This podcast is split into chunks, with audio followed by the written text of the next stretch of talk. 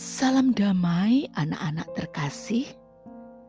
Sedang hangat di berbagai media kisah viral film pendek Tile yang mengangkat nama Butejo. Menarik ya, karena itulah fakta budaya masyarakat kita membicarakan orang lain terlebih terhadap mereka yang sedang sakit, memiliki kekurangan dalam masalah atau kesusahan.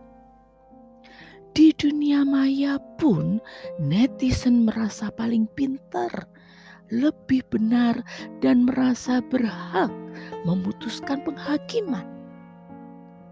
Pernahkah kita menjadi orang yang dibicarakan itu? Bagaimana rasanya? Atau kita lebih sering ambil bagian yang mengikuti budaya membicarakan?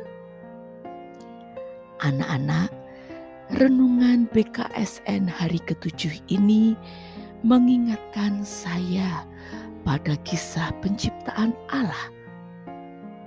Tujuh hari genap karya ciptanya dan makhluk pilihannya manusia digambarkan sebagai citranya sendiri. Adakah kita telah menjadi seperti gambaran Allah?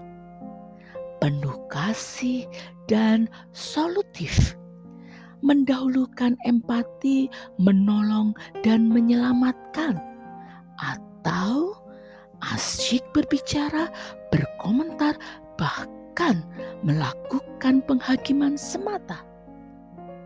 Memang mengikuti arus lebih nyaman karena banyak temannya.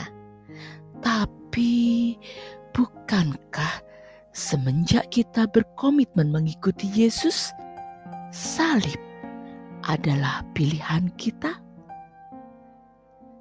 kita semua pasti memiliki kekurangan, pernah sakit, dan tertimpa masalah. Dengan kasih dan perbuatan nyata yang solutif, semua itu hanyalah kepahitan kecil dalam secangkir kopi nikmat kehidupan yang berbuah berkat dan kehidupan kekal kelak.